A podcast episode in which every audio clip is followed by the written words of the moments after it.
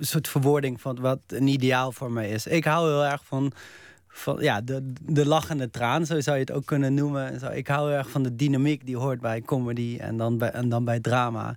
En dat heb ik eigenlijk altijd al gedaan. Dus vroeger had ik een had dat een praktische reden. Vroeger had ik altijd alleen maar dramatische folkliedjes. En toen dacht ik, om de aandacht vast te houden, moest ik tussendoor wat grapjes vertellen. Want als mensen een beetje lachen, dan zijn ze meer ontvankelijk, ook voor dramatiek natuurlijk. Dat weet iedereen. En uh, ik dus dat doe ik al jaren zo een beetje op een praktische manier. En nu dacht ik met deze show, laat ik dat nou eens echt ook gewoon echt vormgeven. Laat ik nou eens kijken hoe ver ik daar aan kan, in, kan gaan.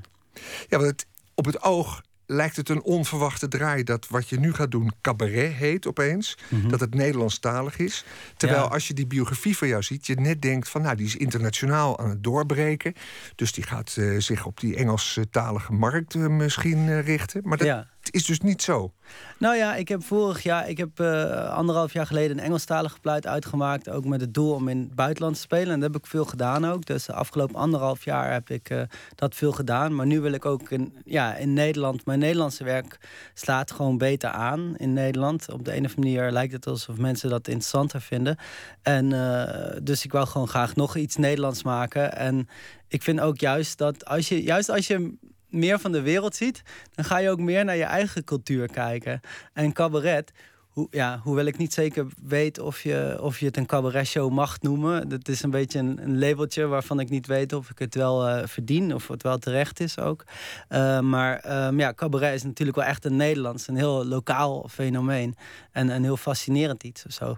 Maar ik heb ook de stiekem hoop dat ik het in het Engels kan doen. Ik dacht, als, als het nou lukt in het Nederlands, een, uh, zo'n cabaretshow, dan ga ik dat in het buitenland ook gewoon proberen te doen. Want je hebt het over labelen. Labelen is natuurlijk belangrijk voor een artiest. Van wat ben je er voor je? Ja, ja. Hoe positioneer je je? Nou, voor het publiek is het belangrijk, inderdaad. Maar ik. Um, ja, ik heb deze show gewoon gemaakt. En het, ja, het lijkt misschien het meest op cabaret nog. Maar het is eigenlijk... Ja, ik weet ook niet of het cabaret is. Want volgens mij is het veel te serieus voor cabaret. Want het is best een...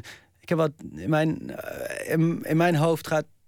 Ik associeer cabaret ook met dat het een beetje gaat om de wereld om je heen. En om het nieuws en op de uh, cultuur van het moment. En dat het lichtvoetig is en zo. En dat is het allemaal bij mij niet. Het is heel erg een, een show in één iemands psyche. En één, het speelt zich allemaal af in mijn hoofd. Mhm. Heb je voorbeelden in die cabaretwereld? Ja, ja, natuurlijk. Je hebt in Nederland zoveel fantastische uh, uh, komieken en cabaretiers. ja, Toon Hermans, die, die staat er echt bovenuit voor mij. Dat, heb ik, dat heb ik echt een beetje ontdekt. Ik ben dat op een gegeven moment gewoon gaan kijken, omdat ik, je hoort die naam altijd, maar ik had eigenlijk nooit echt zijn shows gezien. Dus Wat is het goede van Toon Hermans? Uh, nou, het is heel. Hij is natuurlijk technisch uh, super perfect. Hij kan een heel mooi verhaal vertellen. Hij is zelf heel aantrekkelijk en charismatisch. Weet je, hij kan goed spreken. Hij ziet er mooi uit. Hij heeft een enorme controle uh, van, over hoe hij spreekt.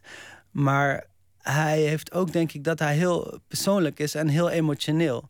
En heel poëtisch ook. Dat, dat associeer je misschien niet zo niet zo zeer met modern cabaret of zo. Maar hij kan, hij kan gewoon heel mooi spreken ook. En hij is heel persoonlijk. Want bijvoorbeeld als je denkt aan die Sinterklaas-conferentie. Uh, dat is super grappig natuurlijk, want het gaat over iets wat we allemaal kennen. Die Sinterklaasconferentie, hoe ging die, die ook alweer dan? Dat die uh, weet je, zo, zo heet het. Hij, hij vertelt dan helemaal over wat die, uh, wat die Sinterklaas eigenlijk voor een eikel vindt, omdat hij nooit cadeautjes voor hem geeft. En dat is heel grappig. Maar tegelijkertijd is het ook een heel persoonlijk verhaal over armoede en, en de vernedering die hij voelt als kind. Het is zeg maar, ik, weet je, als je dat ziet, je, je lacht, maar je vergeet eigenlijk dat, je, dat, dat het voor hem heel persoonlijk is. En, heel, heel, en dat het eigenlijk gaat over een heel zwaar onderwerp. Kwamen de Zwarte Piet eigenlijk in over Uit, uitsluiting. Ja, ook nog. Ja, die krijgt ook uit de zak. ja. Uh, het gaat over uitsluiting, zeg je. Dus jij zegt. Uh... Ja, die Sneaklaas-conferentie, die, die, toen ik die op een gegeven moment voor de tweede keer zag, dacht ik van wow, dit is gewoon een heel verhaal over hoe hij zich buitengesloten voelt omdat hij uit zo'n armoedig gezin komt, dat hij voelt alsof je die niet bij hoort. Hij krijgt geen cadeautjes en hij neemt dat Sinterklaas kwalijk. En als ik zo vertel, is het een heel uh, dramatisch verhaal. Maar het is hilarisch als je, als je het ziet. Uit wat voor gezin kom jij eigenlijk? Mm, dat is een goede vraag. ik, um, Um, ik weet het niet. Ik denk wel eh, een soort van cultureel gezin. Er werd heel veel muziek gemaakt. Het was wel echt een huis van muziek en literatuur. Mijn moeder las heel veel. Mijn vader, of leest nog steeds heel veel. En mijn vader is uh, een, een, een, pianist of zo. Dus wij zijn. En wij gingen ook van jongs af aan ook wel echt naar de kinderopera van Frank Groothof of zo, weet je wel. Die het zou befleuten voor kinderen. En um, uh, dat is het eerste waar ik aan denk. Als ik denk aan uit wat voor gezin kom ik. Je komt uit Nijmegen, ging studeren in Amsterdam, wat je ervoer als een bevrijding, want toen wilde je heel graag. Je dacht, dacht hier gebeurt het. Ja. En sindsdien ben je eigenlijk Amsterdammer, kan je wel zeggen. Ja. Ehm, en je hebt een opleiding gehad, je hebt gestudeerd en je zou leraar Engels kunnen worden. En je hebt dat ook een tijdje gedaan. Ja. Totdat je op een gegeven moment dacht, ik wil. Uh... Ja, ik heb een moment in mijn leven gehad dat ik 25 was. En toen ging ik samenwonen met mijn uh, toenmalige vriendin. En ik uh, stond op het punt om leraar te worden, om een baan aan te nemen op de middelbare school. Want ik gaf toen les in Engels. En dat beviel me ook wel. En, en toen, maar toen, ja, toen had ik een soort van gevoel van... oh, ik wil eigenlijk diep in mijn hart wil ik, wil ik zanger zijn. Terwijl er eigenlijk tot dan toe weinig aanleiding voor was. Ik had eigenlijk amper op het podium gesteld. Maar ik dacht echt van, oh, ik moet dat zijn en zo. En toen ging het uit met die relatie. En toen heb ik ook uh, die baan opgezegd. En toen ben ik gewoon min of meer voor gegaan. En toen is mijn leven eigenlijk uh, eh, 180 graden gedraaid. En dan ben ik heel blij om nog steeds. Ja, dat nou voelt ook niet zo lang geleden. Want het is nu, uh, ja, acht jaar geleden. Zo lang is dat ook weer niet geleden. Ik, ik was al 25. De eerste keer dat ik echt voor een eigen publiek op een podium stond, was, was ik 27. Heb je vandaag al je tegen-intuïtieve actie gepleegd? Mm. De dagelijkse contra-intuïtieve actie. Nee, die doe ik niet meer, maar dat is wel een aanrader. Ja, want dat komt, dat komt uit een documentaire van uh, David Kleiweg uit 2012. Daarin heb je het erover. Ja. Wat was dat dan, die tegen-intuïtieve actie? Wat, wat, wat, wat bedoelde nou, je daarmee? Je zei van ja, elke dag wil ik dat eigenlijk doen. Nou, die. Uh, nou, mijn show heet Neurose Geur aan Maneschijn.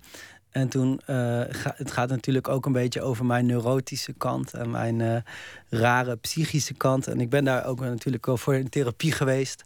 En uh, op een gegeven moment kwam er een techniek op mijn pad, dat heette de contra-intuïtieve actie.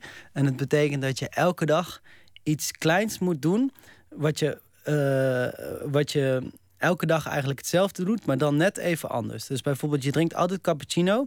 En dan denk je op een dag, nu wordt het tijd voor mijn contra-intuïtieve actie. Dus dan bestel je gewoon koffie verkeerd. En dat is alleen maar om jezelf uh, bewust te maken uh, van je uh, recht op zelfbeschikking. Van, ja, van de, de macht die je hebt om een überhaupt een keuze te maken. En waar leidt dat toe? Een soort vingeroefening in keuzevrijheid. Keuzevrijheid. Want het was dezelfde keuzevrijheid van jou die dacht, ik word docent. Maar op een gegeven moment dacht ik, kon zelfs een uh, vaste aanstelling krijgen. Maar je dacht, nee, ik word zanger. Ja, ja, ja, ik dacht, ik probeer het op zijn minst. Ik dacht, ik kan nog beter falen en dan laten zeggen dat ik het geprobeerd heb. Dan dat ik uh, op mijn veertigste in een soort uh, midlife crisis wakker word. Van waarom heb ik die kans niet gegrepen toen, het, toen die voor me lag? Ja, dus uh, iets anders doen dan in de lijn der verwachtingen ligt. Dat, is, dat, dat, dat raad je aan aan Klopt. mensen. Ja, ja, ja nou, ik, ik raad het. Ja, ik weet niet of ik het zou aanraden. Want als je een heel sterk beeld hebt vanaf het begin af aan, dan, dan, dan moet je dat volgen of zo. Maar ik denk wel dat het belangrijk is. Ja, ik weet niet wie ik ben om mensen dingen aan te raden. Maar ik geloof wel. Het is belangrijk dat je altijd probeert bewust te zijn van je, van je opties. Je kan blind zijn voor je keuzemogelijkheden. En dat, dat, dat, dat is een blindheid. Dan, je ziet die keuzemogelijkheden niet, maar ze zijn er wel. Nou ja, ik hoorde vorige week een documentaire op de radio en het ging over het Slauerhof-syndroom. Oh En dan moest ik gisteren, toen ik jouw voorstelling zag, moest ik daaraan denken. Het Slauerhof-syndroom de dichter die woonde in Nederland, aangeharkt land, eigenlijk zo goed als klaar. En hij droomde van vergezichten, van vreemde zeeën, van andere culturen. Maar hij kon er eigenlijk ook niet los van komen. Want hij hechtte ook aan een zomerhuisje. En aan een zekere zekerheid. Waar we in Nederland zo vaak op terugvallen. Ja, klopt. Ja, ja, ja, dat, uh, ja, dat ken ik ook wel, inderdaad. En dan is het heel goed en ook begrijpelijk dat je iemand als Laura Dekker uh, omarmt. Zeker. Uh, ja. uh, het zeilmeisje. Eigenlijk was dat iemand die ook afrekende met het Slauerhof-syndroom. Ja, ja. Ja, um, ja zeker. Ja, Slauerhof zei: uh, In Nederland wil ik niet leven. Men moet er steeds zijn lusten reven omwille van de buren die gretig door elk gaatje gluren. En het is grappig dat hij het beeld reven gebruikt, want dat betekent een zeil kleiner maken. En ja, dan kom je weer bij Zeilmeisje uit. en Zeilmeisje, Laura Dekker, fris ons geheugen op. Wie was zij? Nou, uh, het, het Zeilmeisje, dat was een meisje die een paar jaar geleden was zij 16 jaar oud. En het was haar verlangen om als eerste 16-jarige of zo de hele wereld uh, rond te zeilen. En toen was er een hele uh, situatie waarbij een rechter haar dat verbood. Die, weet je wel, druist het niet in tegen de leerplicht, haar schoolplicht en zo. En um, uiteindelijk is zij gegaan en het is haar gelukt ook. En uh, ze, ze kwam terug en toen heeft ze heel obstinaat uh, haar Nederlandse vlag van de boot afgehaald en er een, een Nieuw-Zeelandse vlag voor in de plaats gezet.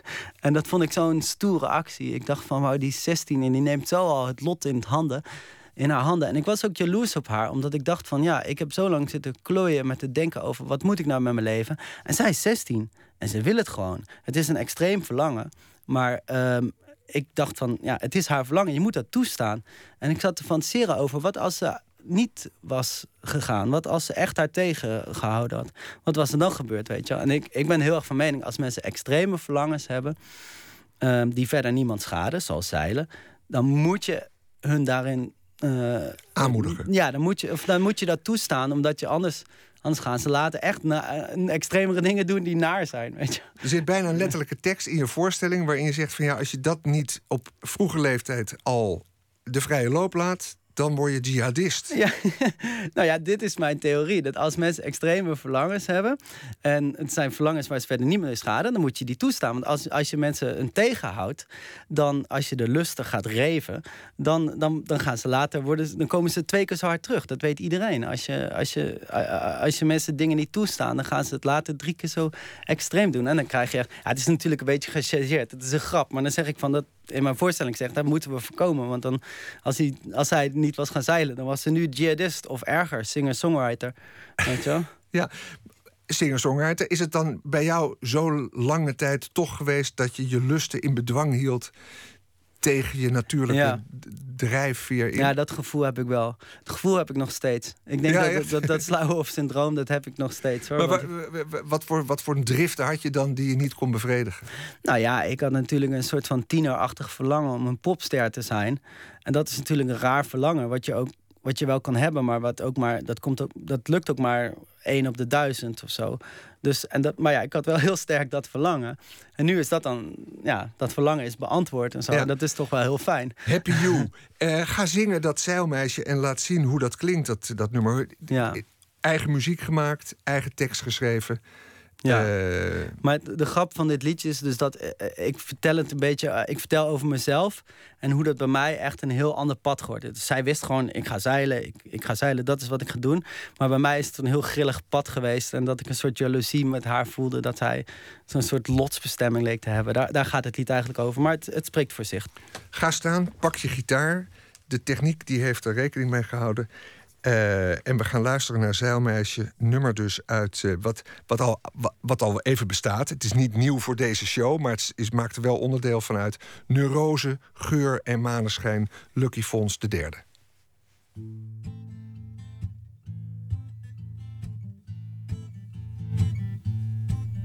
Wat begon als een masker is nu mijn gezicht.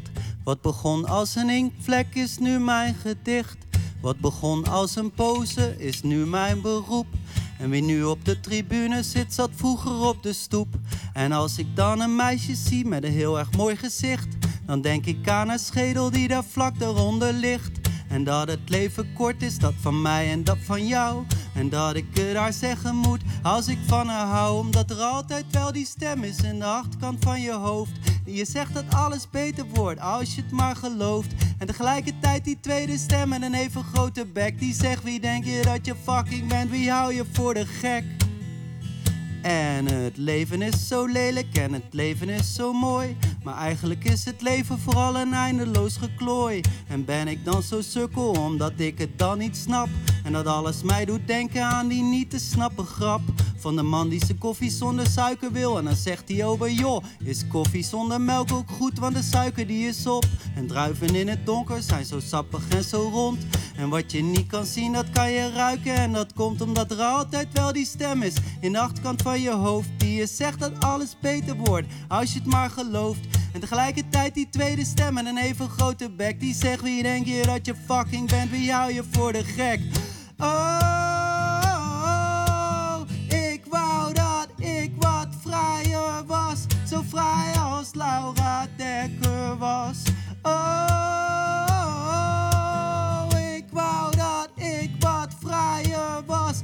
Zo vrij als Laura Dekker was. Zo vrij als Laura Dekker was. Zo vrij als Laura Dekker was.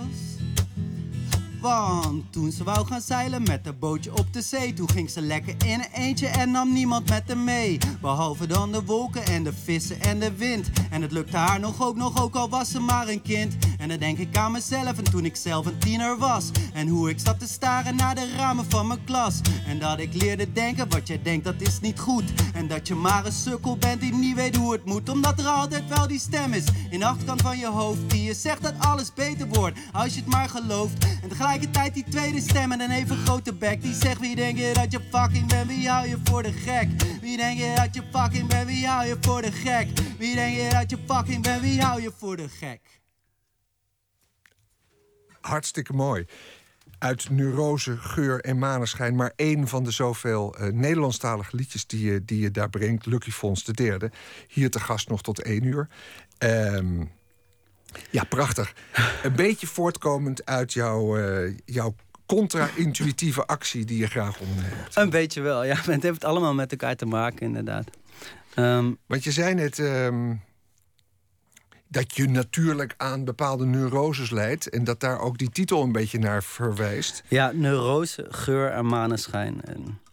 Roze, roze geur en maneschijn is natuurlijk ook helemaal van Veen trouwens, hè? Oh ja? Ken je oh, dat ja, niet? ja, ja, klopt. Ja, ja, ja. Kom je daar nu pas achter? Ja, en ik maak ervan roze geur en maneschijn. Ja, toch? Dat is toch ook uh, roze schijn, tap, tap, tap. Hou je van Herman van Veen? Ja, ik vind het geweldig. Ik heb hem vorig jaar in Carré gezien.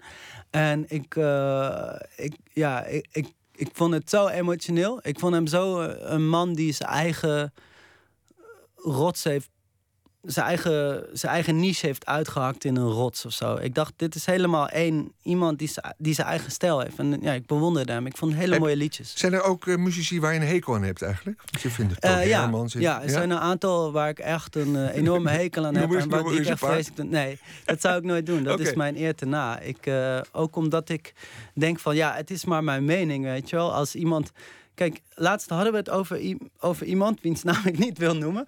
En, toen, en een vriendin van mij was heel erg fan. En toen dacht ik van, nou, ik ben blij voor jou dat jij er fan van bent. Dat is, dat, dat is dan goed, weet je wel.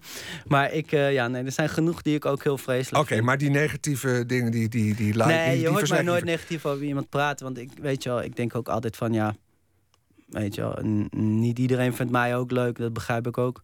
Ja. Dus. Je vertelde uh, ergens dat je. Oh, dat was trouwens ook in die documentaire. Dat je dan iemand op straat tegenkwam en die tegen jou zei van.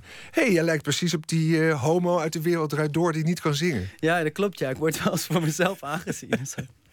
Want dat is net zoals in dit liedje net. Het mhm. klopt niet altijd even. En mhm. het wordt dan versleten voor eigenlijk niet kunnende zingen. Maar het is eigenlijk geraffineerder natuurlijk. Hè? Ja, het is veel geraffineerder dan dat. Elke keer als mensen denken, iets klopt hier niet... dan is het altijd omdat ik ze wil laten denken, iets klopt hier niet.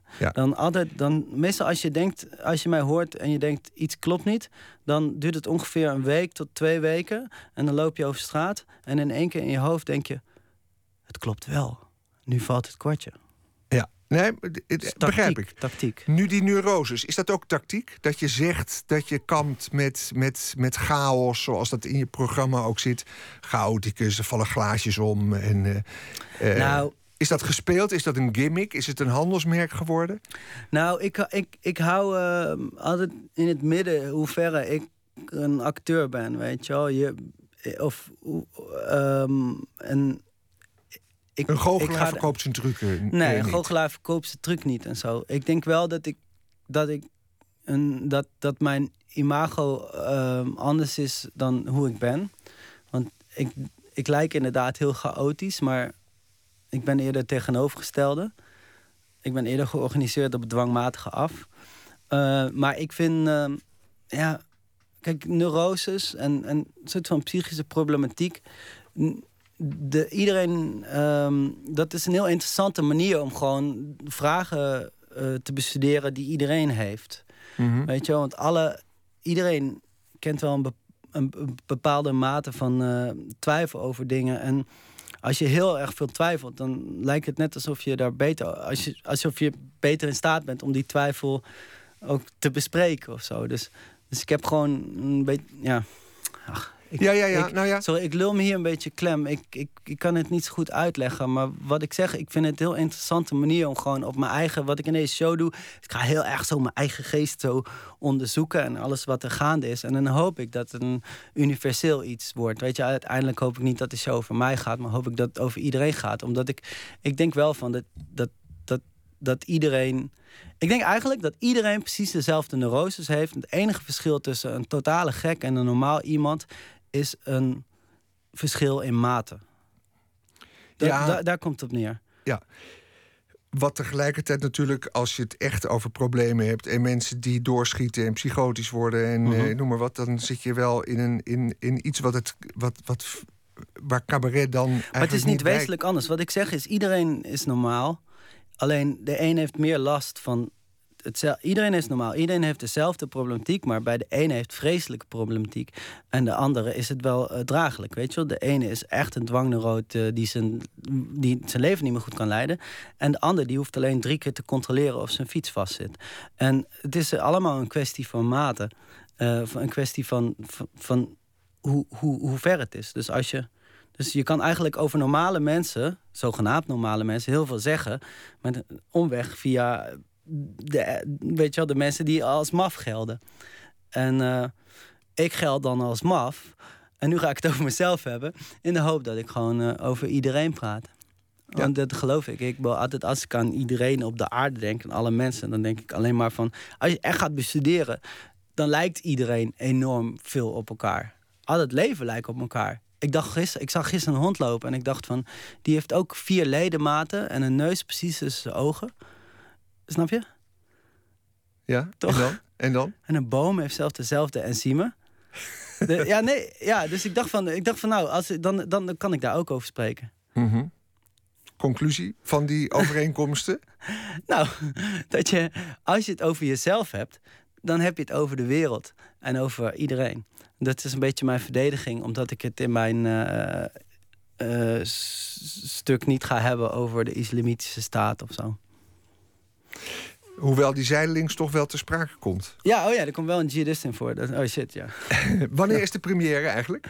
Um, oh, dat weet ik niet uit mijn ik hoofd. Heb hier, nou, ik heb hier een print van, uh, lees even voor, oh, ja. niet de hele lijst. Oh, maar... heel goed. Nou ja, zondag speel ik in Rotterdam. Dat is al uitverkocht.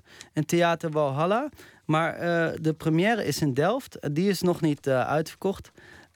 Dat is in... Um, dat is Theater de Vesten. Dat is toch... Theater de Vesten, nou dat, is, dat klinkt geweldig, dat is in Delft. Uh, zeg, maar uh, Drie, en volgens mij heb 23 iets, oktober. Ja, en mensen moeten komen, want volgens mij werkt het publiek ook heilzaam op jou, hè? Want ja. je hebt een soort wonderlijke combinatie in dat programma van de verlegen man, die aan de andere kant ook dol is op het publiek. Ja. Dus alsof je er eigenlijk uh, iets heel intiems nou, van maakt. Het publiek moet komen, want ik heb het echt heel erg nodig. Zonder publiek wordt het niks. Het begin, dus ik heb het op een gegeven moment zelfs van als een boom omvalt uh, uh, in een bos en, en er is niemand om te horen, maakt het dan geluid. Dat geldt voor Als mij ook natuurlijk. Ja, ja, ja, precies. Ja, maar het heeft natuurlijk, ik heb het natuurlijk weer over mezelf. En wat is het antwoord op die vraag? Ja. Als een boom valt en niemand hoort het, maakt hij dan geluid ja, of niet? Nee, want je hebt hersens nodig om uh, die luchttrillingen te vertalen tot wat wij geluid noemen. Dus, en, dus het publiek moet komen, anders sta ik daar gewoon in stilte. Lucky Fons de derde. En uh, niet alleen voor jou moeten ze er komen, maar ook voor zichzelf. Want het is een hele aangename show. Lucky Fons de derde, we zijn uh, ontzettend blij dat je hier was. En dat je uh, voor ons hebt gespeeld. Dank je wel voor je komst. En het gaat je goed. Straks na het nieuws, het tweede uur van Nooit meer slapen. En dan gaan we verder met onder andere de schrijver Eusjan Akjol. Die de hele week al direct na ene een verhaal voor ons heeft, geënt op het nieuws van de dag. En Katja de Bruin tipt ons een paar boeken waar zij enthousiast over is. En met haar blikken we ook vooruit naar de uitreiking van de Man Booker Prize volgende week in Engeland. Dat en meer straks na het nieuws van 1 uur.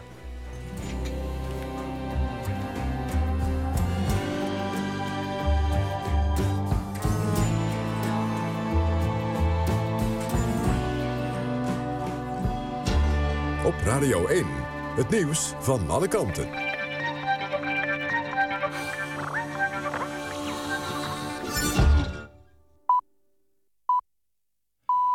1 uur, Ewout de Jong met het NOS-journaal. Marokko vindt het besluit van de Nederlandse regering... om het verdrag over sociale uitkeringen op te zeggen... ongepast tussen bevriende naties. De Marokkaanse minister van Buitenlandse Zaken heeft dat gezegd... tegen minister Ascher en minister Timmermans.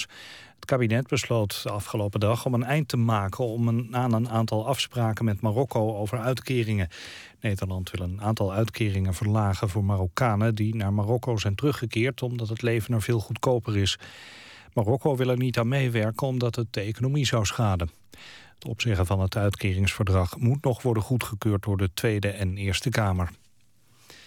Drie leden van motorclub No Surrender zijn in Irak en vechten met de Koerden mee tegen IS. Dat heeft president Klaas Otto van de club gezegd. Een filmpje op internet wordt een lid van No Surrender geïnterviewd. En ook staat er op Twitter een foto van dezelfde bewapende man met het onderschrift... Ron uit Nederland heeft zich bij de Koerden aangesloten om het IS-ongedierte te bestrijden. Een lid van de vrijwillige brandweer in de Zuid-Limburgse gemeente Onderbanken... heeft bekend dat hij een groot aantal branden heeft aangestoken. Dat meldt de Limburgse omroep L1. De brandweerman werd eind augustus samen met twee collega's opgepakt. De drie worden ervan verdacht dat ze een reeks grote en kleine branden hebben aangestoken... in Onderbanken en omgeving. Het OM geeft daarover verder geen details. De drie brandweermannen ontkenden lange tijd dat ze iets met de brandstichtingen te maken hadden. Het voorarrest van twee verdachten is met twee maanden verlengd. De derde man kwam al snel vrij, maar is nog wel verdachte. Het weer droog met afwisselend wolken en opklaringen. Minima net onder de 10 graden. Overdag af en toe zon. Eerst aan de kust enkele buien, later ook landwindwaarts. Het wordt een graad of 17 met een zwak tot matige zuidwestelijke wind. Dit was het NOS Journaal. NPO Radio 1. VPRO. Nooit meer slapen.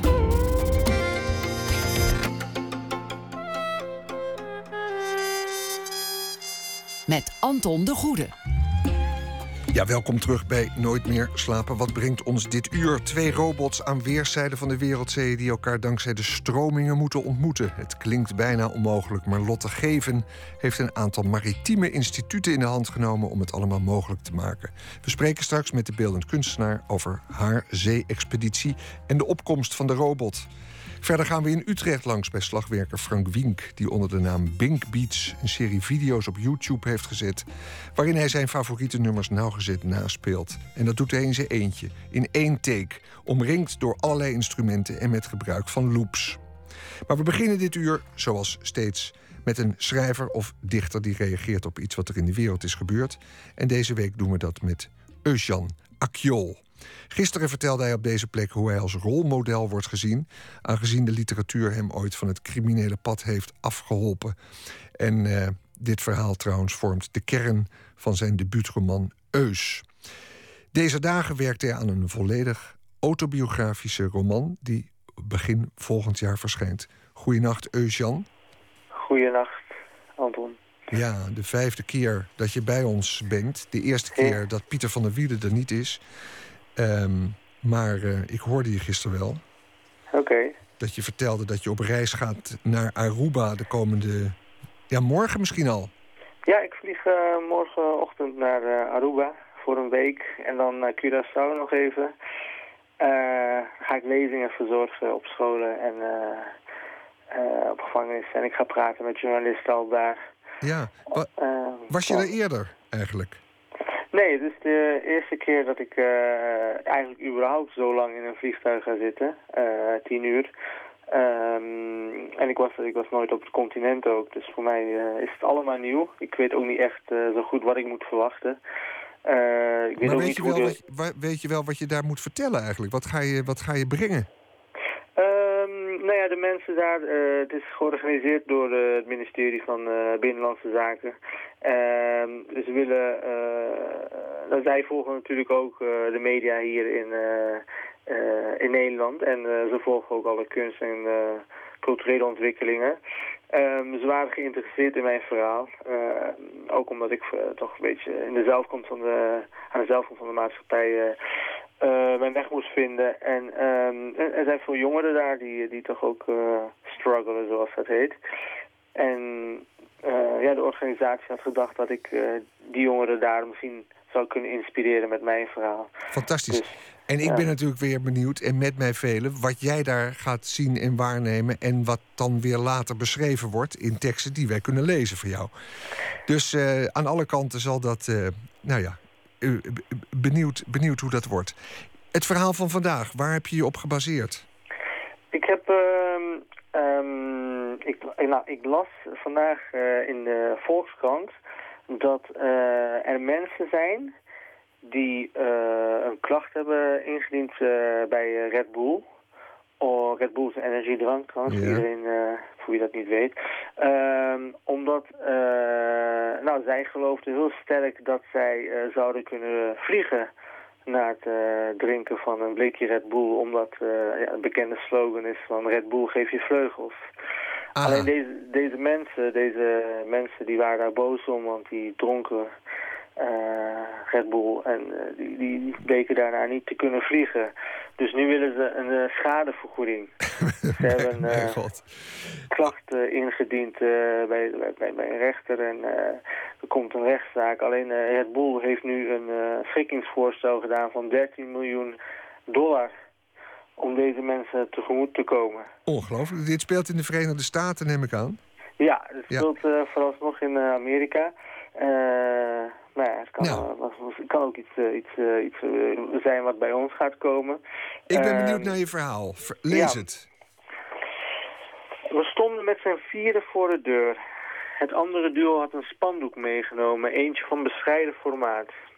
Hij was nog niet uitgerold. Dat zouden ze waarschijnlijk later doen, als het personeel van het bedrijf zich meldde. De jongens zagen studenticoos uit. Er stond een rugzak tussen hen in. Ondanks de massale aandacht op Facebook en Twitter lieten de andere benadeelden het vies afweten. Ik voelde me gepiepeld. Vroeger gingen mensen massaal de straat op als er onrecht was gesignaleerd. Pleinen stonden vol, overheidsgebouwen werden bezet.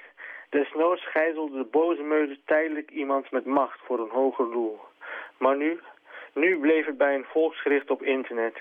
Digitale reuring die doorgaans de levensvatbaarheid van een etmaal had. Moeten we het gewoon niet opgeven, vroeg mijn vriendin. Nee, zei ik stellig. Ik ga niet weg voordat ik iemand heb gesproken. Ik moet iemand spreken. Die twee anderen hielden hun spandoek stevig vast en staarden schaapachtig naar de poster op de deur. Hij was onderdeel van de laatste reclamecampagne. De gewraakte beloftes waren van het papier verdwenen. Volgens mij het ultieme bewijs voor de rechter. Duidelijke mea culpa. Deze zaak gingen we winnen. Ik voelde het. Mijn vriendin werd gebeld en liep een eind de straat in. Ik vroeg me af of ze het gesprek zou rekken, zodat ze langer van ons verwijderd kon zijn. Voel eens aan de klink, zei een van de jongens. Misschien is hij gewoon open. Omdat zij dat spandoek vasthielden, gehoorzaamde ik direct. De deur zat op slot. Een beetje moedeloos stonden we daar.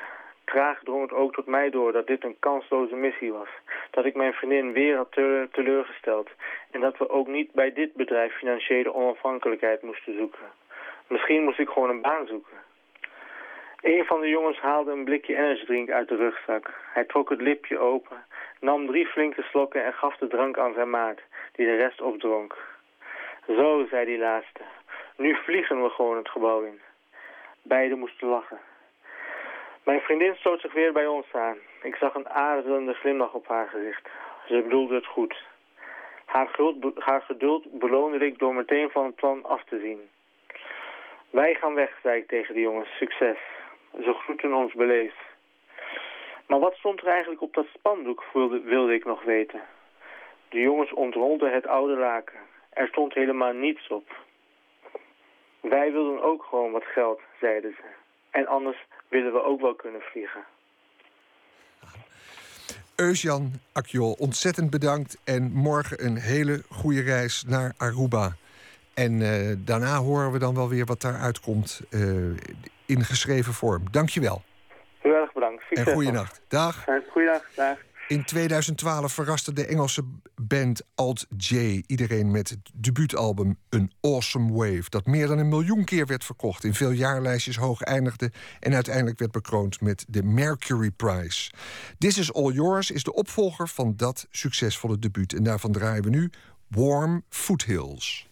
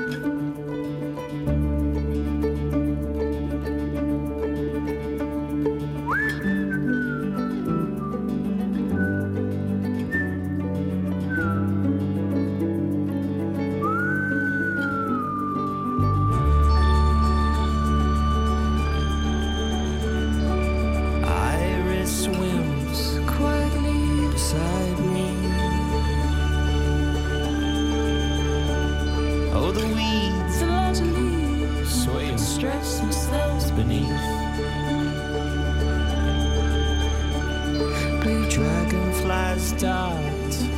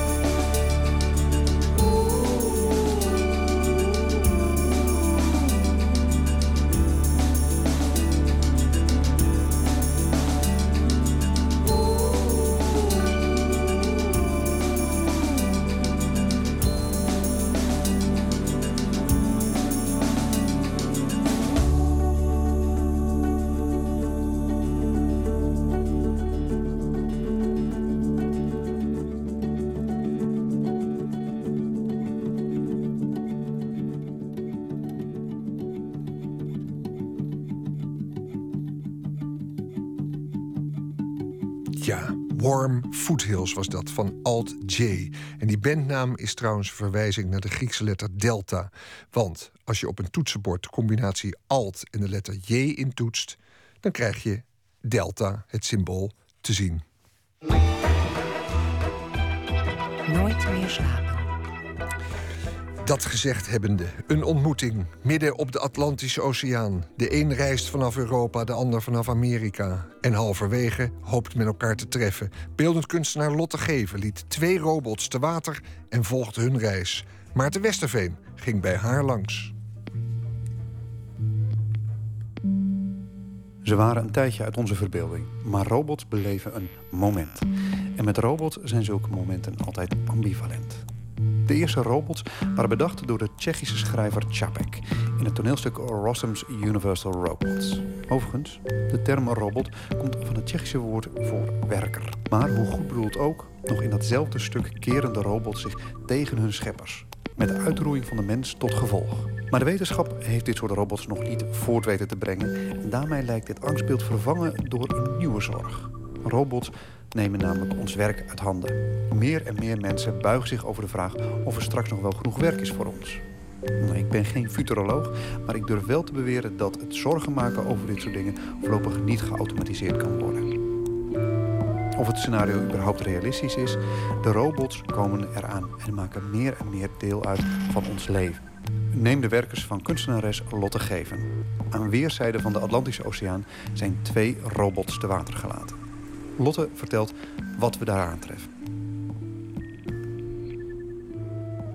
Uh, ja, als we nu naar het wateroppervlakte zouden kijken, zouden we een heel groot bolvormig object zien. Van, uh, en dat heeft een doorsnede van ongeveer een meter, anderhalve meter.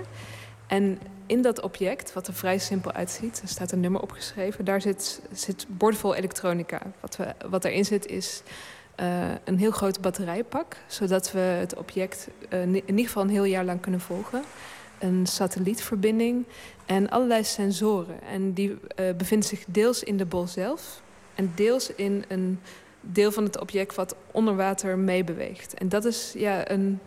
Ja, je zou het nog het best kunnen omschrijven als iets wat op een kwal lijkt, maar dan van. Um, of de tentakels van een kwal. Maar dat drijft onder water en dat zit uh, ja, vol met kleine sensoren die metingen doen en die dat doorzenden naar een satelliet. Zoals veel van mijn werken ontstond ook dit werk uit een soort van ja, kinderlijke nieuwsgierigheid naar een fenomeen of naar een vraagstuk. Dat is eigenlijk beter. Uh, en ik zat in een vliegtuig. Uh, ik ging van New York naar Amsterdam. En ik vroeg me af tijdens de vlucht: ja, wat is de kans dat in, die, in het midden van deze ja, kolkende oceaan, waar, ik eigenlijk niks van, begrijp, wat is de kans dat, dat daar twee objecten elkaar zouden kunnen ontmoeten? En die gedachte, die, ja, die klinkt heel uh, klein en normaal gezien zou je daar niet mee verder gaan, maar die bleef maar ja, in mijn hoofd rondspoken. En uh, wat ik toen heb gedaan, ik heb uh, een aantal instituten ingeschakeld en hun gevraagd van... kunnen jullie mij helpen om een uh, antwoord te vinden op deze vraag? En toen zijn um, mensen van het Nationale Oceaan Instituut van Amerika... van de Louisiana Oceaan Instituut en twee Spaanse instituten en een Iers instituut. Ze hebben gezegd van nou, wij gaan meewerken. En dan krijg je dus allerlei te tegenovergestelde meningen van ja... Uh, we moeten dit doen om, uh, om een antwoord op jouw vraag te vinden. Of we moeten dat doen. En uiteindelijk hebben we bedacht dat uh, deze twee objecten... die we dus kunnen volgen op die website... te water werden gelaten op, de, ja, op twee punten die... Um, totaal zijn doorgerekend eigenlijk. Dus die punten die stellen punten voor binnen die kolkende chaos van de oceaan... En volgens die professoren is de kans dat, juist omdat ze op dat moment en op dat punt ter water zijn gelaten, dat die twee objecten elkaar ontmoeten. Nou, dat moeten we nog zien natuurlijk. Maar dat is ontzettend spannend. En dat idee dat daar een, uh, een kans op een ontmoeting zit, is, is natuurlijk heel menselijk en ook heel banaal ergens. maar het is wel iets wat, uh, ja, wat, wat mij boeit en blijkbaar uh, een aantal andere mensen ook. Uh, we kijken nu naar een website en eigenlijk is dat een live view uh, van de grote Noord-Atlantische Oceaan. En daar overheen zien we twee streepjes die uh, met de dag langer worden. En de ene komt, is begonnen vanuit um, de Golf van Mexico. En die is als slingerend is hij nu naar boven gegaan, langs Cuba en langs Florida. Beweegt zich nu steeds meer, ja, iets meer richting de goede richting. Dat is het centrum van de Noord-Atlantische Oceaan. En aan de andere kant zien we een, groene streep met een nummer eraan vast. En die streep die begint bij Vigo. Vigo is een havenstadje in Spanje. En vanuit daar zien we een loodrechte lijn naar beneden. En vanaf het uiterste puntje van Portugal, uh, Portimao, uh, begint die lijn begint te kronkelen. En begint zich heel raar te gedragen. En dat is de plek uh, waarop een robot ter water is, is gelaten. Vanaf het moment dat de, de, lijn begint te kronkelen, zie je eigenlijk hoe de zee de choreografie van dat object overneemt en dat het totale chaos wordt. Twee mechanische kwallen. Het klinkt allemaal niet erg aanlokkelijk. Maar Lotte Geven merkte dat haar project haar meer beïnvloedde dan gedacht. Ik had van tevoren mijn relatie niet echt bepaald tot die objecten. Maar ik merk dat ik nu allerlei betekenissen ga lezen in uh, die routes en in die bewegingen van de objecten, die eigenlijk helemaal niet uh, zo heel rationeel zijn. Zo lijkt het bijvoorbeeld dat uh, die ene um, aan de rechterkant, aan de Europese kant, als je daarop inzoomt en naar de route kijkt, dan zie je bewegingen en die doen heel erg denken aan een soort van geschrift. Dus je ziet daar lettervormingen in. Dus, en die andere uh, die beweegt zich uh, ja, die heel erg uh, ja, gracieus door de Golf van Mexico. En uiteindelijk is hij langs Cuba naar Florida gegaan. en ik weet dat op dag vier dat er een enorme tropische cycloon was. En die heeft uh, het object uit de route geduwd. En dus voor mij is die, die hele simpele lijn wordt ook heel erg verhalend. En ik ga daar allerlei menselijke dingen aan toedichten die helemaal niet kloppen. Zoals? Wat is het verschil tussen eh, de Europese en de Amerikaanse robot? ja, de um, Amerikaanse die... Uh, ja, als je kijkt op de website, dan zie je een, een, een, lijn die zich echt als een soort van hele sierlijke curve over het water beweegt. En die Europese, dat is een soort van totale strugglende uh, lijn die vooruit, achteruit, vooruit, achteruit gaat en heel langzaam maar vooruit komt. Maar ik bedoel, je zegt je dicht er allerlei karaktereigenschappen aan toe. Hoe vertaalt zich, vertaalt zich dat dus intussen deze twee robots? Ik bedoel, uh, denk je dan ook echt van, oh, Europese... probeer nou eens een keertje voor elkaar te krijgen. Of oh, wat beter goed bezig, Amerikaanse robot. Hoe werkt dat? Hè? Hoe, ziet die twee dan, hoe zou die twee karakters van die twee robots dan uh, beschrijven? Ja, zover ben ik nog helemaal niet. Maar um, ik zou die twee karakters omschrijven als... Het lijkt erop alsof één heel duidelijk uh, de voorspelde route inneemt. En het lijkt erop alsof die andere uh, ook de voorspelde route in, inneemt, maar met ontzettend veel obstructies en moeite. En het, het, is wel een soort van moeite die ik zelf ook proef als ik dan uh, s ochtends uh, inlog en kijk en dan zie ik dat en denk, oh, wat een struggle. Heb je, had je dat, heeft je dat verbaasd dat je op. Je bent natuurlijk gewoon nieuwsgierig of zoiets ambitieus gaat lukken. Maar ben je ook verbaasd dat je je toch aan zoiets gaat hechten? Ben je verbaasd dat je je gaat hechten aan iets wat toch eigenlijk neerkomt op een soort mechanische kwal.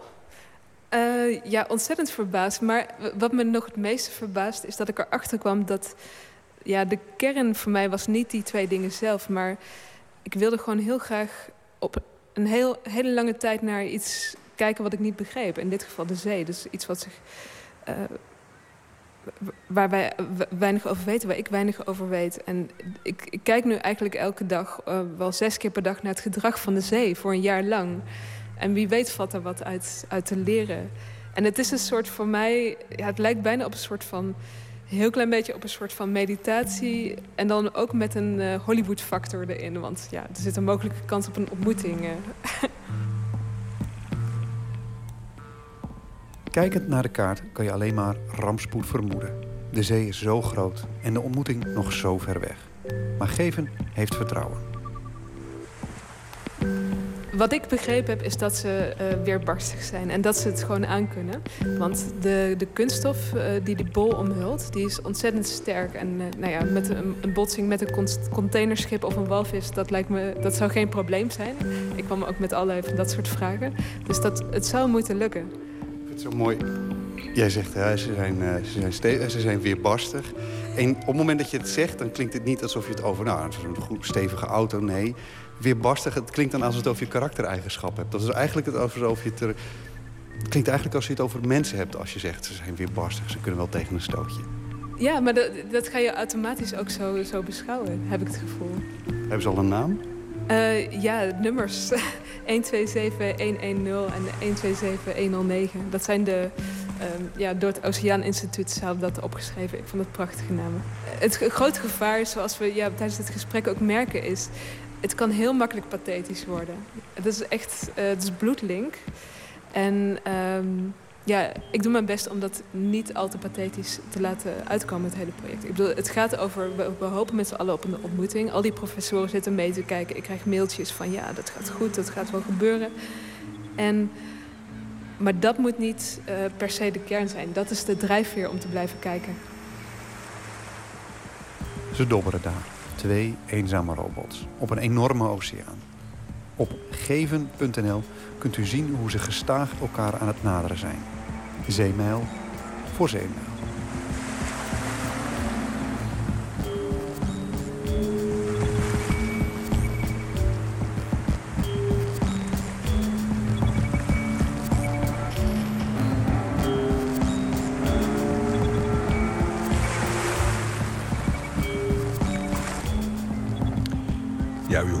Maarten Westerveen in gesprek met beeldend kunstenaar Lotte Geven. En wilt u de robots ook volgen? Ga dan naar geven met e.nl. Als Lucky, Lucky de derde, die in het eerste uur te gast was, door iets beïnvloed is, dan is het door de muziek van Bob Dylan, zijn grote voorbeeld. Over wie die trouwens ook een scriptie schreef toen hij afstudeerde. We gaan iets van de meester zelf draaien. One more cup of coffee.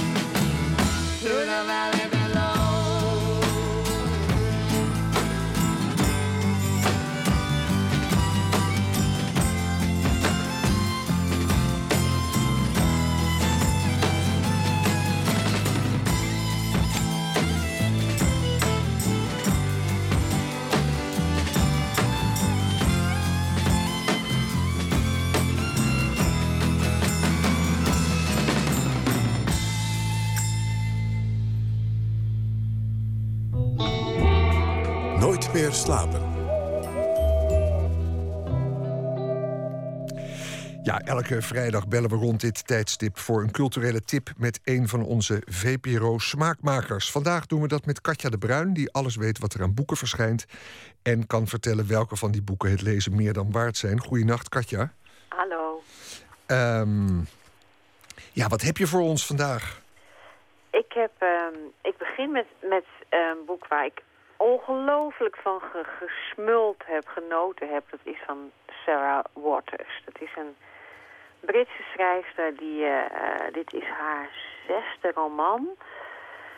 Uh, ze schrijft niet zo heel snel, maar ze schrijft, ze, dit, dit heeft weer vijf jaar geduurd voordat er een nieuw boek van haar verscheen. En iedereen die ooit eens iets van haar gelezen heeft, althans iedereen, maar veel mensen uh, kunnen, uh, kunnen maar moeilijk wachten tot er weer eens iets nieuws komt. Want het is, het is echt smullen wat zij doet. Uh, dit is een, um, dit, dit, ik heb hem in het Engels gelezen, want de vertaling verschijnt volgende week. De Paying Guests heet hij in het Engels. En ik hoorde van de uitgever dat ze heel lang hebben nagedacht over hoe ze dat nou moesten vertalen. Want de Paying Guests staat eigenlijk voor huurders. Maar ja, de huurders is niet echt een hele fijne titel. Dus uiteindelijk is dat geworden de huisgenoten. En dat uh, is ook best een, een prima titel, want het gaat over een... Het speelt zich af in 1922 in een voorstad van Londen. Dus eigenlijk in de, de, de nadagen van de Eerste Wereldoorlog... die in Engeland enorm uh, veel meer impact heeft gehad eigenlijk dan in Nederland. The Great War, ja. The Great War, precies. En, en wat heel mooi is, is dat zij laat zien hoe... Um, wat, wat, ja, wat, wat inderdaad de gevolgen zijn geweest van die oorlog. Hè. Heel veel mannen gesneuveld, Engel, Engelse jongens. Uh, ook de, de, twee broers van de hoofdpersoon van dit boek, Frances Ray heet zij, een, jonge vrouw van, van uh, midden twintig, die samen met haar moeder in een veel te groot oud huis woont. En vader is overleden, heeft veel schulden nagelaten. En die broers die zijn gesneuveld. Dus zij... Uh, en het is de tijd waarin er heel veel begint te veranderen op sociaal gebied in Engeland. Dus het is niet meer vanzelfsprekend dat je allerlei uh, personeel hebt. Ook al ben je van, van redelijk goede komaf, zoals dit, uh, deze familie is. Dus Francis moet ineens zelf de, de, de keukenvloer schrobben... terwijl ze voorheen altijd voor de oorlog dienstmeisjes hadden... En om in dat huis te kunnen blijven wonen, komt er dan een stel, nemen ze een stel huurders in huis. En nou ja, Sarah Waters is een, uh, iemand die op één boek na altijd schrijft over lesbische liefdes. Mhm. En dat is al, uh, dat is uh, heel, ja, vrij bijzonder, want dat doet ze heel erg mooi en knap en maakt dat heel invoelbaar. En ze doet het ook altijd in een tijdperk waarin dat nog niet uh, geaccepteerd werd. Dus het moet allemaal stiekem en dat gebeurt ook in dit boek. Is uh, een, een, verliefdheid die zich heel langzaam ontwikkelt. Het duurt echt nou ja, bijna 200 pagina's voor de eerste kus uiteindelijk uh, een feit is. En dat klinkt dan niet heel spannend, maar het is dus het knappe dat zij dat heel erg spannend weet te, maken. Je weet dat het, dat het eraan zit te komen en ja, toch, uh, toch kun je er gewoon helemaal, ja, kun je niet wachten tot het zover is. Het klinkt een beetje vreemd, maar het is echt zo.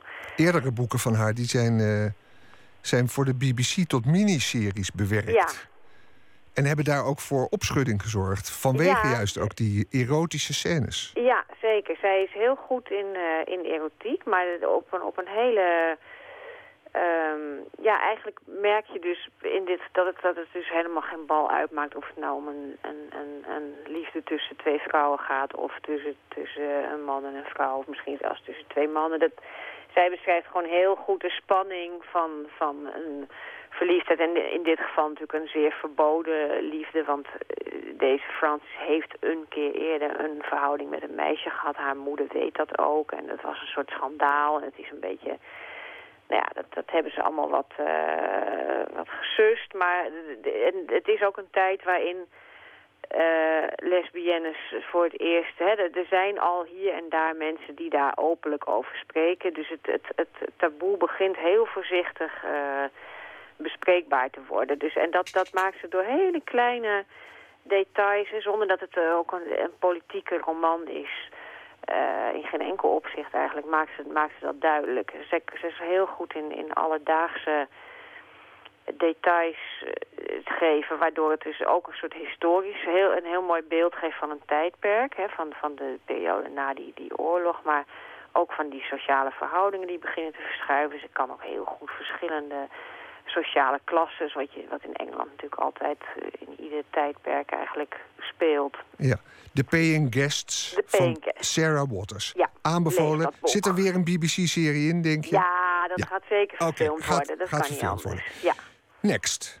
Nou ja, ik, ik dacht, ik, ik ga nog even zeggen dat ik het uh, jammer vind dat Sarah Waters dus niet genomineerd is voor de Booker Prize, die aanstaande dinsdag wordt uitgereikt.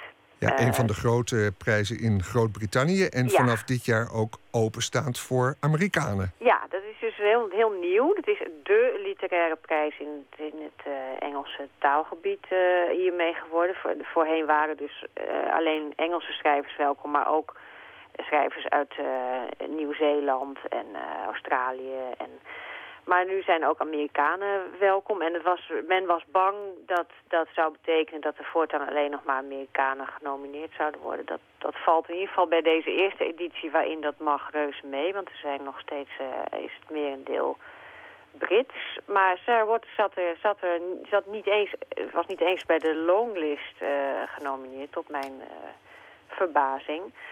Dus ik vond het heel jammer. En we gaan nu zien dat um, uh, aanstaande dinsdag is de uitreiking. En dan uh, gaan we kijken of er voor het eerst in de geschiedenis van deze prijs een Amerikaan gaat winnen. Het zou wel uh, bijzonder zitten, zijn. Er zitten twee Amerikanen bij. Ene Joshua Ferris en Karen Joy Fowler. Ja, ja.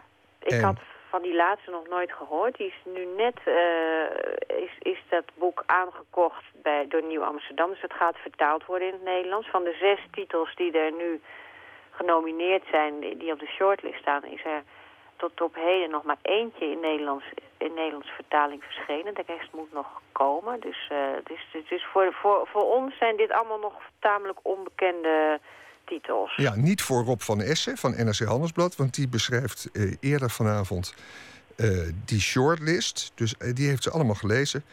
En die zegt dat de grootste kanshebber Eli Smith is.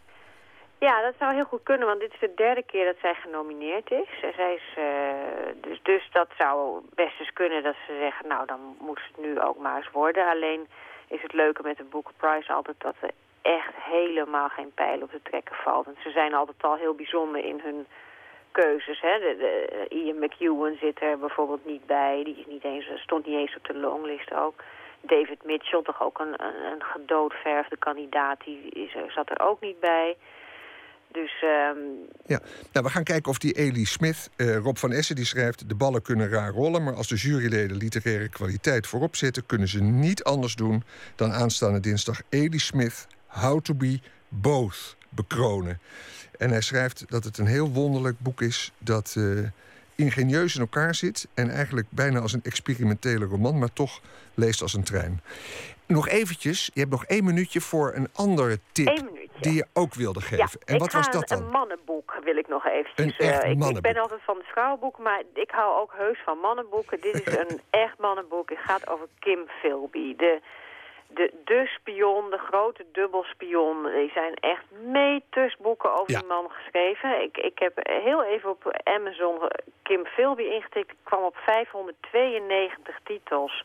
Je kunt het bijna niet geloven. Zeg in één zin wie hij was. Hij was een, uh, een Engelse spion, een echte uh, uit, de, uit de Engelse upper class, hè, de klassieke Cambridge. Hij hoorde bij de Cambridge Four, of eigenlijk waren het er Five die uh, dubbelspionnen waren in, uh, tijdens, en, en, uh, tijdens de Tweede Wereldoorlog. En dit is een nieuw boek over hem van een zeker Ben McIntyre. Die heeft al meer over spionage geschreven. En hoewel er misschien niet heel veel nieuw... voor de echte kenners van Kim Philby misschien niet heel veel nieuws in staat... is het, leest het wel ongelooflijk lekker en spannend en... Het is gewoon een geweldig verhaal over die, die Philby. En hij heeft wel een, een leuke nieuwe invalshoek bedacht. Namelijk de vriendschap tussen Philby en een andere spion. Een Engelse spion, Nicholas Elliot. Die niet uh, een dubbelspion was. En die hem uiteindelijk zijn bekentenis heeft ontlokt. Ja. Een- En die Kim Philby was dus eigenlijk gewoon overtuigd op de hand van Moskou en van de Russen. Ja, hoewel Ja. die Russen dus heel lang ook weer hebben gedacht dat hij misschien wel een, een soort trippelspion was. Dus dat hij, eh, nou ja... Zo goed was hij dat hij bijna Ja. weer eh, verdacht werd. Eigenlijk wist niemand, niemand eh, dat is, die man was gewoon één groot raadsel. Zijn hele leven lang is hij dat gebleven. Ook voor zijn vier echtgenoten, ook voor zijn kinderen. Oké, een nieuwe titel van Ja. Ben McIntyre over de vriendschap tussen Kim Philby en Nicholas Elliot. Ja. Een mannenboek aanbevolen door jou, Katja. Ja.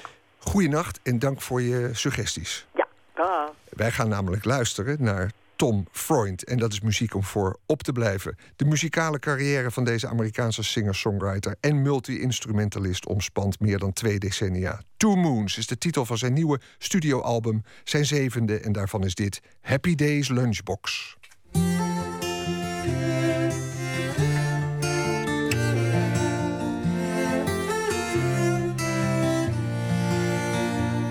Happy days, lunchbox, the Fonz and the Cunninghams, Ralph and Potsy and Al. How I long for the days when I take out my sandwich and have my lunch with my pals. Now I cry when I'm making love. It's got so complicated. Surely I can figure out when did I get so jaded? La la la la la la la. la. Happy days, lunchbox. What a simple identity to be cool, but never too hard. Yeah, even the Fonz had a breaking point in a heart that never grew tired.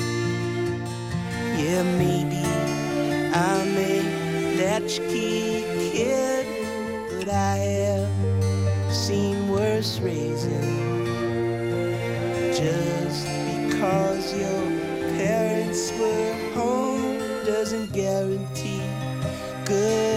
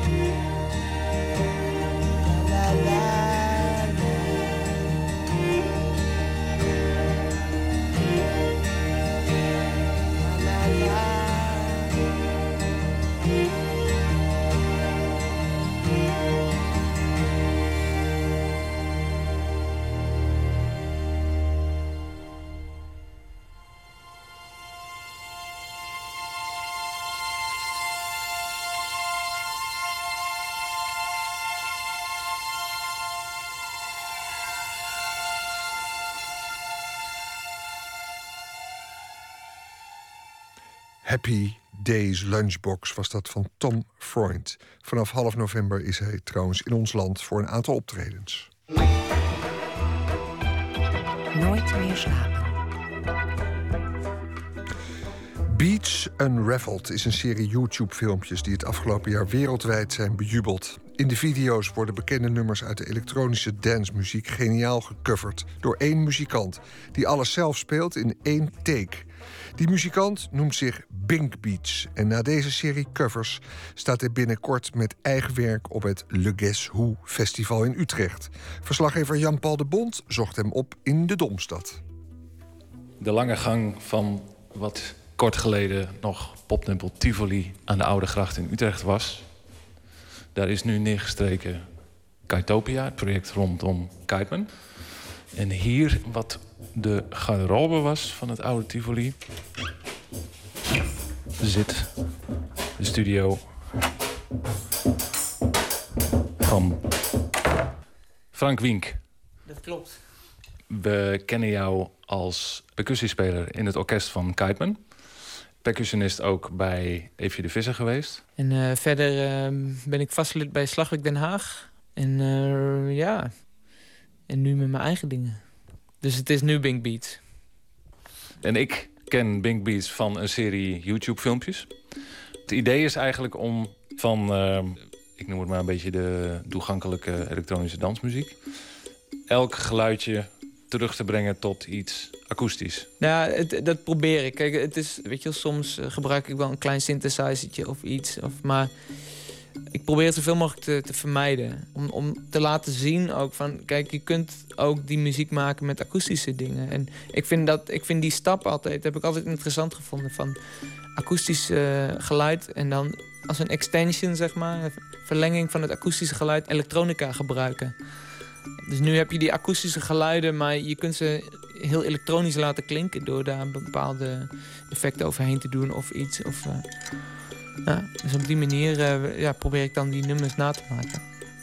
En voor de argeloze kijker is het denk ik nog het meest verrassend dat je alles ook in je eentje zit te doen. Van nummers die tamelijk complex in elkaar zitten. Als het filmpje begint, dan zit je ook omringd in een setup die je kennelijk van tevoren al helemaal gerepeteerd hebt. Want je weet precies bij welke maat je welk ding moet grijpen. Sowieso heel lastig, lijkt mij. Een hoop gerepeteerd, maar ook een keuze om het allemaal in je eentje te doen. Um, ja, dat komt eigenlijk vanuit die klassieke slagwerkopleiding die ik heb gedaan. Midden in een, een, een soort uh, berg instrumenten te staan en allemaal geluidjes en, en, en daarmee muziek te maken. En dat vond ik altijd heel interessant in die klassieke wereld. En dat is eigenlijk wat ook terug in die filmpjes komt. En um, na al die jaren in heel veel bandjes hebben, te hebben gespeeld, wilde ik heel graag een keer een project doen wat gewoon helemaal van mezelf was. Nou ja, dat is, dat is hier samengekomen. Dat is dit nu geworden.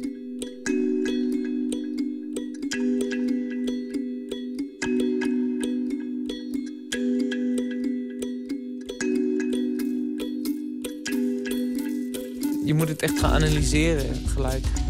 En dat is het voordeel van dat ik percussionist ben. Want als percussionist eh, ben je eigenlijk niet uh, zoals een violist of zo. Die, die helemaal een soort van één is en jaren op één instrument studeert en daar alles uit probeert te halen.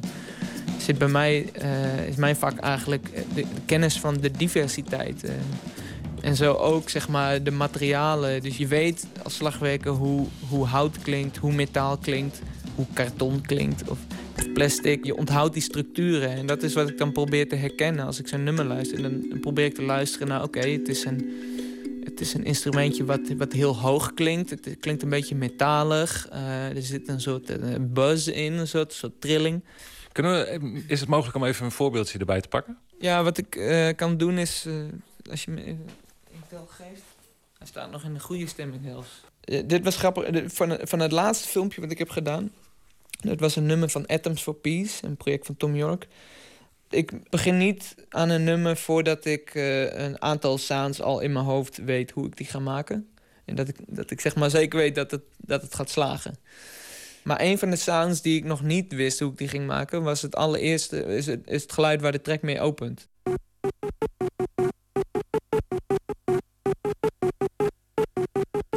Toen kwam ik, ik weet, ik heb geen idee meer hoe ik erop kwam, maar uh, eh, in ieder geval eh, liep ik door mijn studio en toen, en toen vond ik deze. En dit is eigenlijk dit is een, een, een kalimba. Ehm, nou is dit dus een, zo'n souvenirversietje. En ik weet niet eens of het geluid door gaat komen als ik het... En dat melodietje ging... Eh,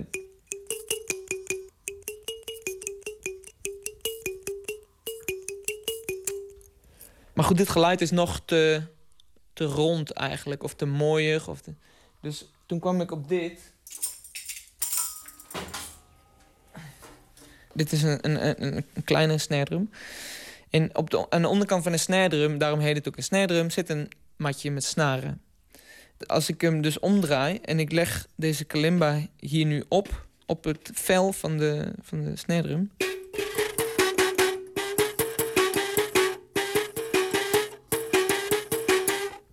Dan gaan die snaren meetrillen. En samen maakte dat eigenlijk eh, best wel goed dat, die sound van, eh, van het eh, origineel.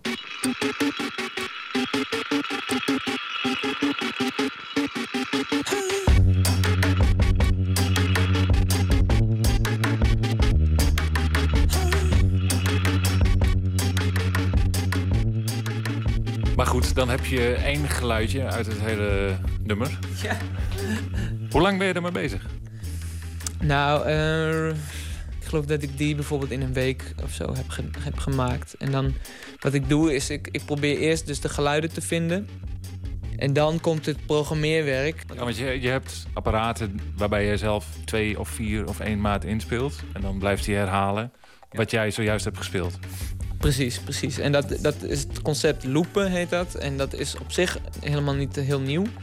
Eh, het verschil is echter dat ehm, eh, mensen die daarmee eh, speelden, die, eh, ja, die laten dan heel erg zien van nu druk ik een knopje in, nu blijft het, weet je wel. Maar dan duurt elk nummer wel twee minuten voordat alles staat. En daar wilde ik vanaf, want als elke intro twee minuten duurt, ja, dan wordt, het, heel saai om naar zo'n concert te gaan. En vooral voor die filmpjes, daar wilde ik een, een vaste structuur van een nummer hebben. Dus dat. ehm, Maar voor iemand die, voor wie dit een soort technische abracadabra is... wat ik jou denk ik zie doen, is wel gebruik maken van wat je met de computer kan opnemen en weer laten herhalen en terugspelen. Maar dat in principe ieder laagje, ieder instrument of iedere zanglijn die er in zo'n nummer voorbij komt, de eerste keer daarvan, die produceer je altijd zelf. Precies, ja, ja. Alles wat je hoort in zo'n track, dat, dat is ergens ingespeeld. Het gaat wel, ik beredeneer het wel vanuit de muziek, zeg maar. Het is niet zo dat de techniek de overhand moet hebben. Dat je bepaalde dingen moet doen omdat het technisch... Ik probeer wel muzikaal te laten kloppen.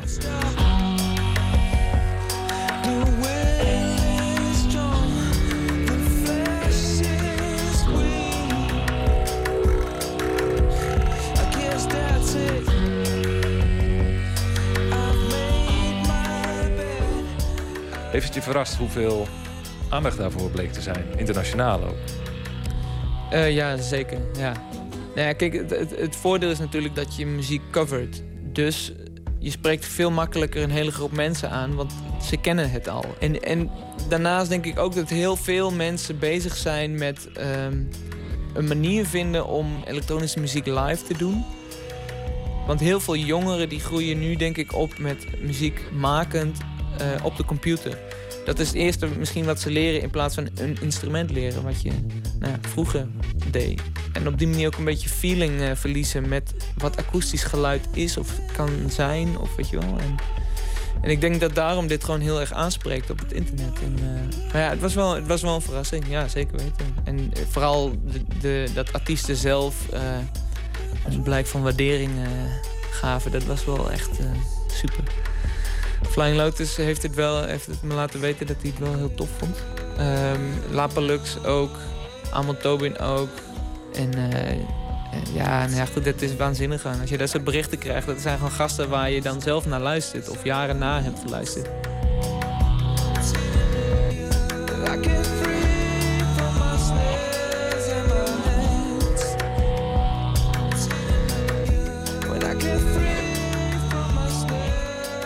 En nu heb je zelf de stap gewaagd om niet alleen zelf te gaan schrijven, maar ook nog eens daar live mee te gaan spelen. Wat me een hele opgave lijkt. Ja, dat is eh, inderdaad een hele opgave. Maar wat dat betreft waren de filmpjes een goede eh, soort try-out voor dat. En eh, ik heb, terwijl ik met die filmpjes bezig was, ben ik al bezig geweest met ook wel tracks maken. Even kijken, ik kan dit laten horen.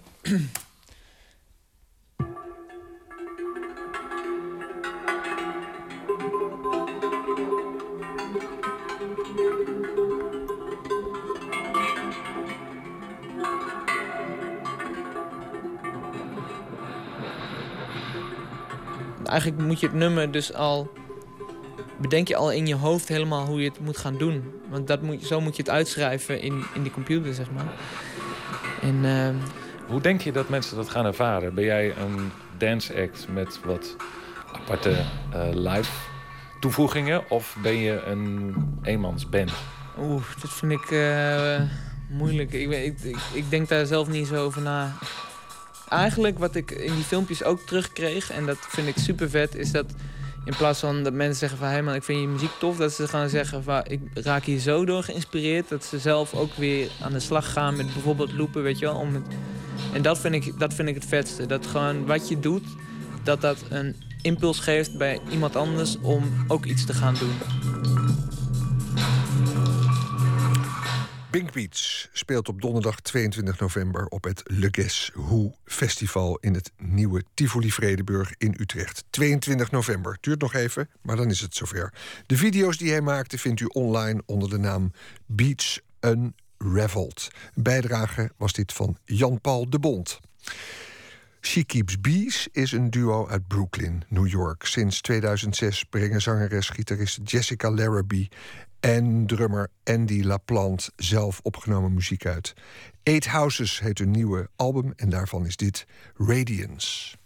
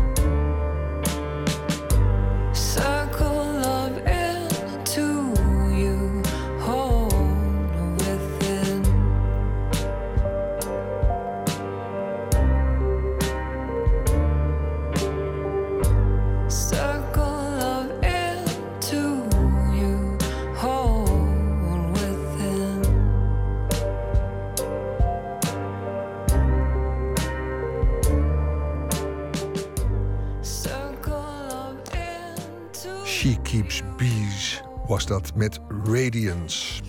En daarmee zit de, deze editie van Nooit meer slapen er bijna op. Ik vertel nog iets over maandag. Dan komt Rick de Leeuw langs. Ruim 20 jaar lang de zanger van de Nederlandse band Trucker Keks. En aansluitend ging hij dichtbundels schrijven, romans schrijven. Hij speelde toneel en had een eigen talkshow op de Belgische televisie. En nu is er een nieuwe cd met Nederlandse covers, De Parels en De Zwijnen. Me dunkt, genoeg om over te praten. Dat maandag, straks het nieuws op deze zender en daarna natuurlijk Woord. Frank Jochemsen presenteert vanavond het programma met de archieven ontsloten uit, het, eh, uit Hilversum. Met onder meer heeft hij beloofd, thema is mijn lijf... bijdrage van Radio Bergijk en Robbie Muns. Dat meer straks na het nieuws van twee uur. Op Radio 1, het nieuws van alle kanten.